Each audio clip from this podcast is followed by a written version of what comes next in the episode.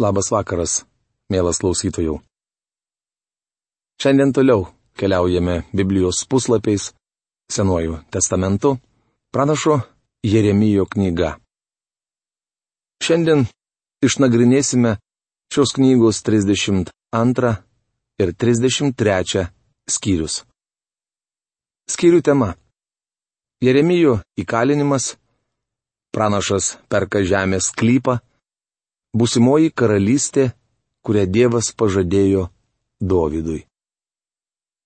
Paprašykime Dievo, kad Jisai savo dvasios pagalba išaiškintų mums savo žodį. Mūsų tėve, mes dėkojam tau, kad žinome, kur tu esi, žinome, koks tu esi ir kad tu taip nuostabiai sukūrėjai viską.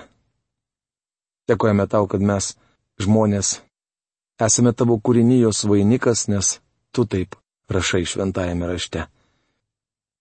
Dėkojame tau, kad tu mūsų niekada neatstumiai ir nepalikai, nors mes taip pasielgėme tavo atžvilgiu. Nusidedami prieš tave, nepaklusdami tavo tobulai valiai mes atsiskyrėme nuo tavęs. Daugelis žmonių šiandien gyvena tamsybėje.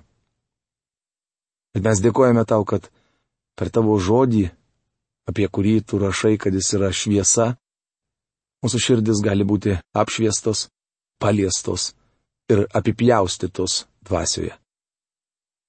Dėkojame tau už pranašą Jeremiją ir už tos žodžius, kuriuos tu pavydėjai jam išsakyti Izraelio tautai.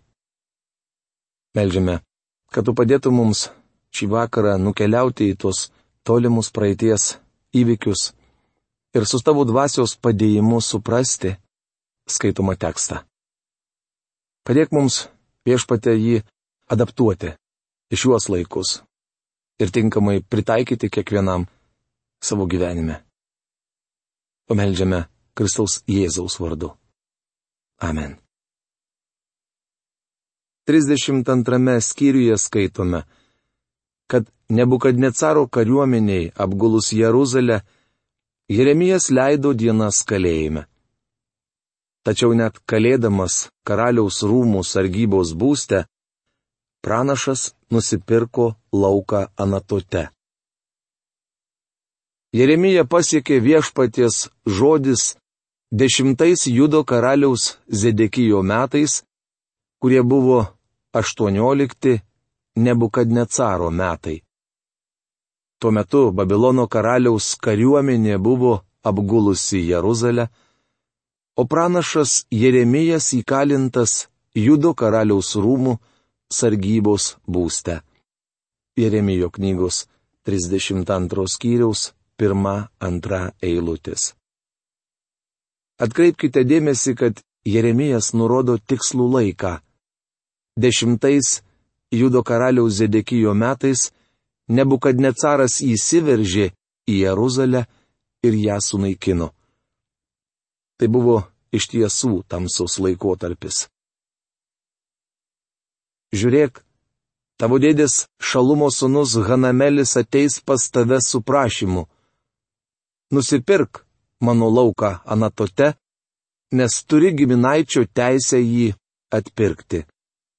Jeremijo knygos 32 skyriaus septinta eilutė. Viešpats pranešė Jeremijui, kad jis turės galimybę nusipirkti iš savo giminaičio Hanamelio žemės klypą.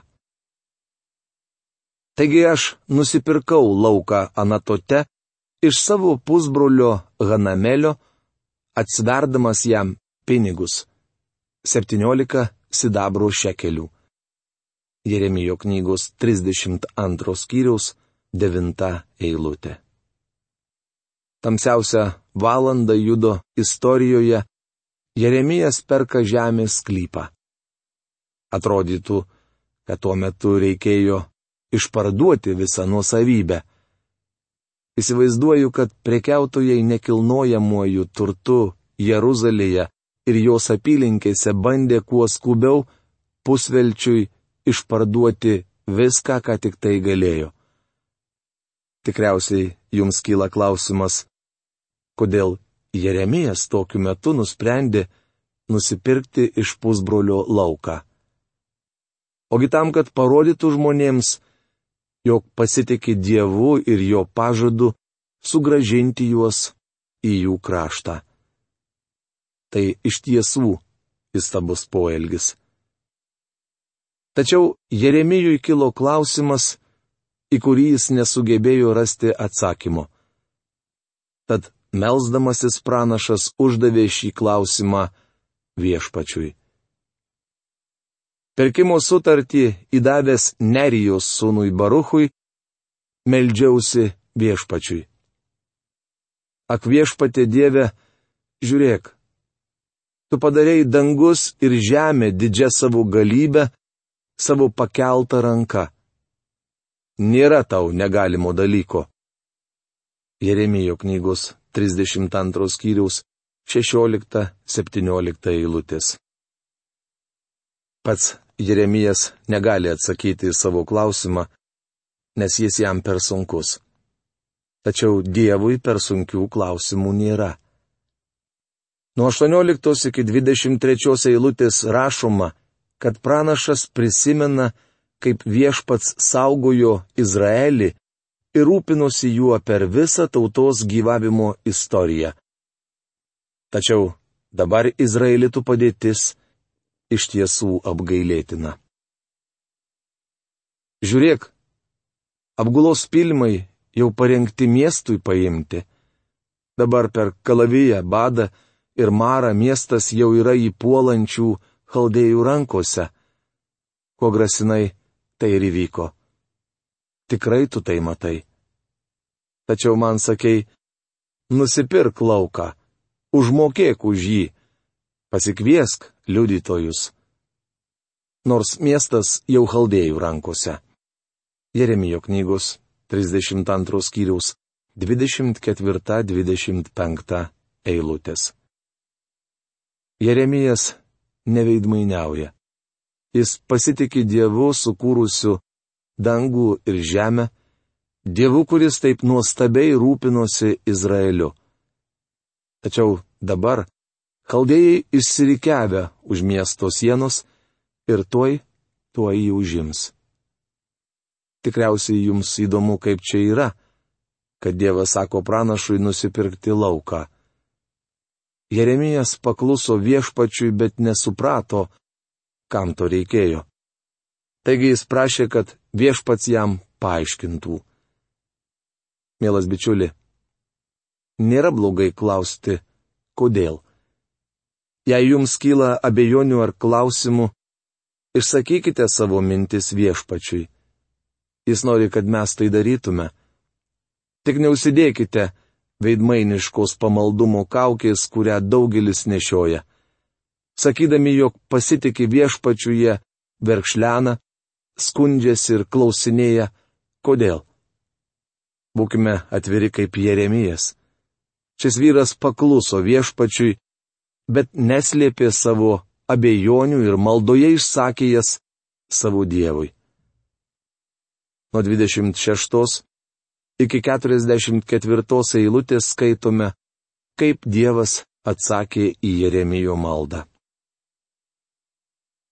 Tada Jeremija pasiekė viešpaties žodis. Štai aš viešpats visos žmonijos Dievas. Argi yra man kas neįmanoma? Jeremijo knygos 32 skyriaus 26-27 eilutės. Pirmiausia, Dievas užrašo aksiomą, kad jam nėra nieko neįmanoma. Todėl dabar taip kalba viešpats Izraelio Dievas apie šį miestą, kuris, kaip jūs sakote, kalaviju, vadu ir maru atiduodamas Babilono karaliui į rankas. Štai surinksiu juos iš visų kraštų, į kuriuos buvau išblaškęs savo pykčiu, įniršiu ir didžiu užsidegimu. Parvesiu juos į šią vietą ir čia saugiai apgyvendinsiu. Jie bus mano tauta, o aš būsiu jų dievas. Vieną širdį ir vieną kelią duosiu jiems, kad jie mane visuomet garbintų savo pačių labui, o po jų savo vaikų geroviai. Sudarysiu su jais amžiną sandūrą, niekuomet nuo jų nenusigręšiu ir nesiliausiu daryti jiems gerą. Iširdį jiems įdėksiu pagarbą man, kad jie nuo manęs nesigręžtų. Jeremijo knygos 32 skyriaus 36-40 eilutės.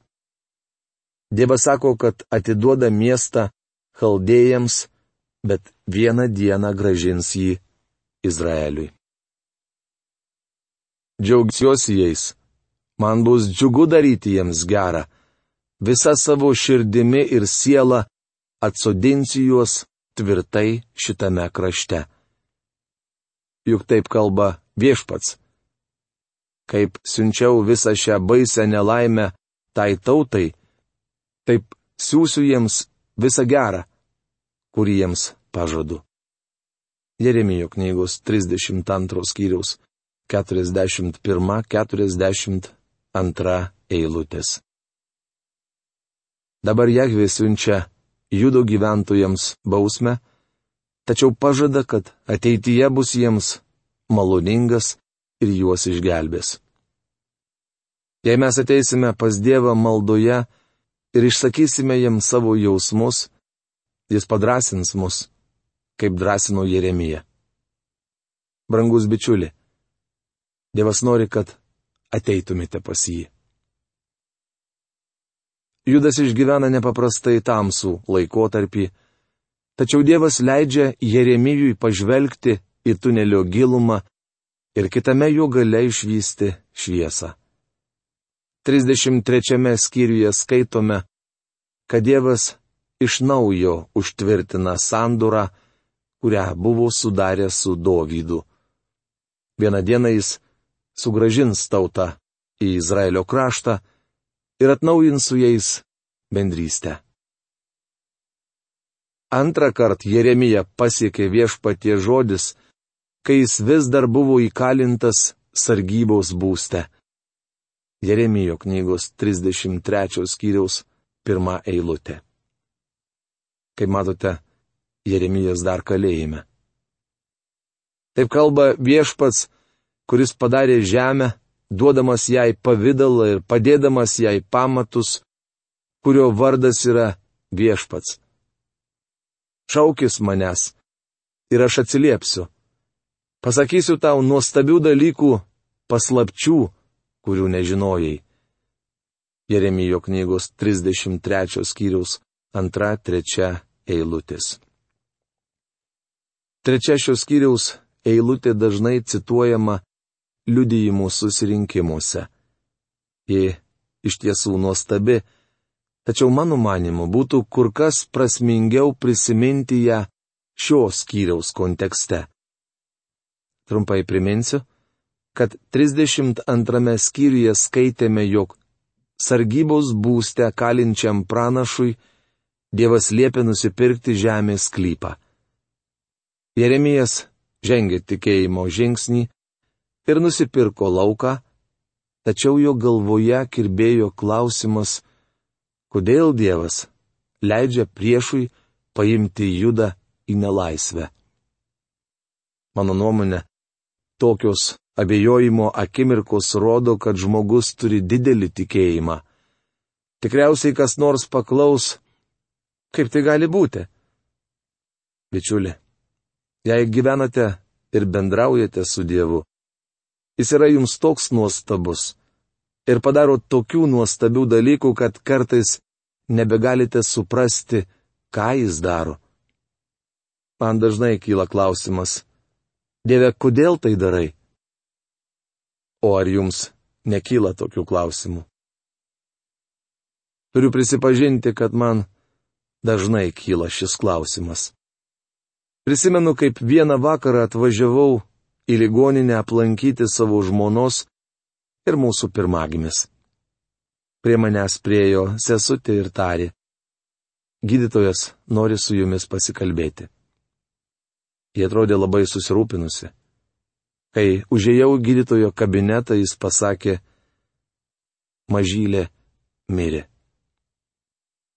Gydytojas šios liūdnos žinios dar nebuvo pranešęs mano žmonai, tad mes nuėjome pas ją ir paaiškinome, kas atsitiko. Mūdu su žmona apsipylėme ašaromis. Niekuomet neužmiršiu tos akimirkos, kai išėjau į terasą. Buvo gaivus vasaros vakaras. Aš pažvelgiau į žvaigždėtą dangų ir mano širdyje kirbėjo klausimas. Žinote koksai? Aš klausiau, kodėl. Ir šiandien pakėlęs akis į dangų, užduodu tą patį klausimą. Bėgant metams, išmokau paduoti viešpačių į ranką ir leistis, vedamas per tamsą. Kalbėdamasi su juo dažnai pasidalinu savo abejonėmis, bet kartu sakau, jog pasitikiu juo. Džiaugiuosi, kad Jeremijas buvo būtent toks žmogus. Kiti šventajame rašte minimi žmonės taip pat Dievui užduodavo klausimų. Skaitydami Habakuko knygą sužinosime, kad šiam pranašui buvo kilę daug klausimų. Iš tikrųjų, visa jo knyga yra vienas didelis klausimas - kodėl? Pranašas Jona taip pat turėjo ko paklausti viešpatį. Bičiuli, tokie klausimai nėra silpno tikėjimo išraiška. Veidmainiška apsimetinėti, kad mes priimame visus jo kelius ir esame visiškai jam atsidavę, kai iš tikrųjų mūsų širdies gilumoje kirba daugybė klausimų ir abejonių. Manau, Dievas nori, kad būtume jam visiškai atviri. Jis yra pažadėjęs, šaukis manęs ir aš atsiliepsiu. Pasakysiu tau nuostabių dalykų, paslapčių, kurių nežinojai. Dabar Dievas iš naujo užtvirtins sandūrą, kurią sudarė su Dovydu. Apie tai rašoma Samuelio antros knygos septintame skyriuje. Jis žadėjo Dovydui, jog pažadins jam palikonį, amžinai sėdėsiantį jo sostę. Šis sandura tapo kiekvieno pranašo leitmotyvu, todėl jų ištarmės kartais primena užstrigusią plokštelę. Visi pranašai mena senąją sandurą ir remiasi ją. Paklausykite Jeremijo. Štai ateina dienos, Tai viešpatie žodis, kai aš įvykdysiu pažadą duotą Izraelio namams ir Judo namams. Tomis dienomis atėjus laikui atželdinsiu Dovydui teisumo atžalą. Jis įvykdys krašte teisingumą ir teisumą. Jeremijo knygos 33 skyriaus 14-15 eilutės. Frazė tomis dienomis reiškia busimuosius laikus, tai yra viešpaties dieną. Atželdinsiu Dovydui teisumo atžalą. Betlėjuje gimęs Emanuelis buvo ir tebėra vienintelė teisumo atžala. Jis įvykdys krašte teisingumą ir teisumą. Iki šiol pasaulis nematė valdovo, kuris būtų tai įgyvendinęs. Tomis dienomis Judas bus išgelbėtas ir Jeruzalė gyvens saugiai. Štai vardas, kuriuo ji bus vadinama. Viešpats yra mūsų teisumas. Jeremijo knygos 33 skyriaus 16 eilutė. Frazė Viešpats yra mūsų teisumas hebrajiškai skamba taip. Jehovah Cidkenu. Jei mes su jumis turime kokį teisumą, tai tik tą, kuris suteikiamas Jėzuje Kristuje. Jis yra mūsų teisumas. Taip kalba viešpats. Dovydui niekada nepritrūks įpėdinių Izraelio namų sostę. Jeremijo knygos 33 skyrius 17 eilutė. Kur jūsų nuomonė šiandien yra tasai įpėdinis? Žemėje šiandien nėra ne vieno Izraelito, kuris galėtų pretenduoti į Davido sostą. Tas, kuris gali į jį pretenduoti, sėdi Dievo tėvų dešinėje. 110 psalmės pirmoje eilutėje skaitome. Viešpats tarė mano viešpačiui, sėskis mano dešinėje, kol padėsiu tavo priešus tau po kojomis. Dievas renka savo vardui tautą, ruoždamas visatą momentui, kai jos sostą pasodins savo sūnų. Jeremija pasiekė viešpatie žodis. Taip kalba viešpats. Jei kas iš jūsų galėtų sulaužyti mano sandūrą su diena ir mano sandūrą su naktimi taip, kad diena ir naktis nebeateitų jums skirtų laiku.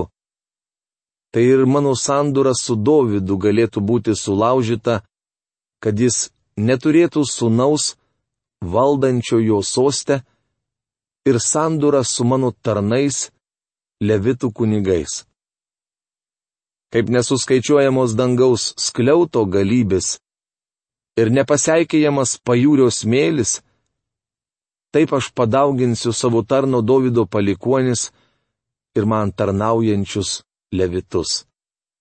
Jeremijo knygos 33 skyriaus 19-22 eilutės.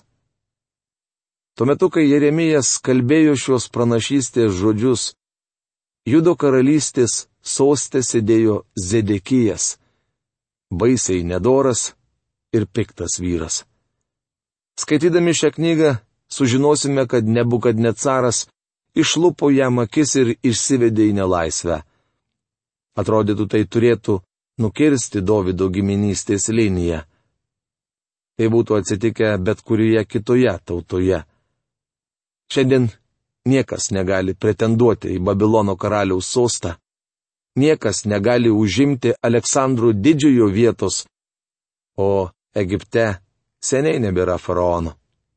Tačiau Davido giminystės linijos atstovas, galintis pretenduoti į jo sostą, gyvas ir šiandien. Dievas sako, jog vieną dieną pasodins jį iš šios visatos sostą. Tai nuostabi pranašystė, kurią labai sunku ignoruoti ar sudvasinti. Manau, mes turime priimti Dievo žodžius tiesiogiai. Štai tokia žinia šiai dienai. Iki greito sustikimo. Sudė.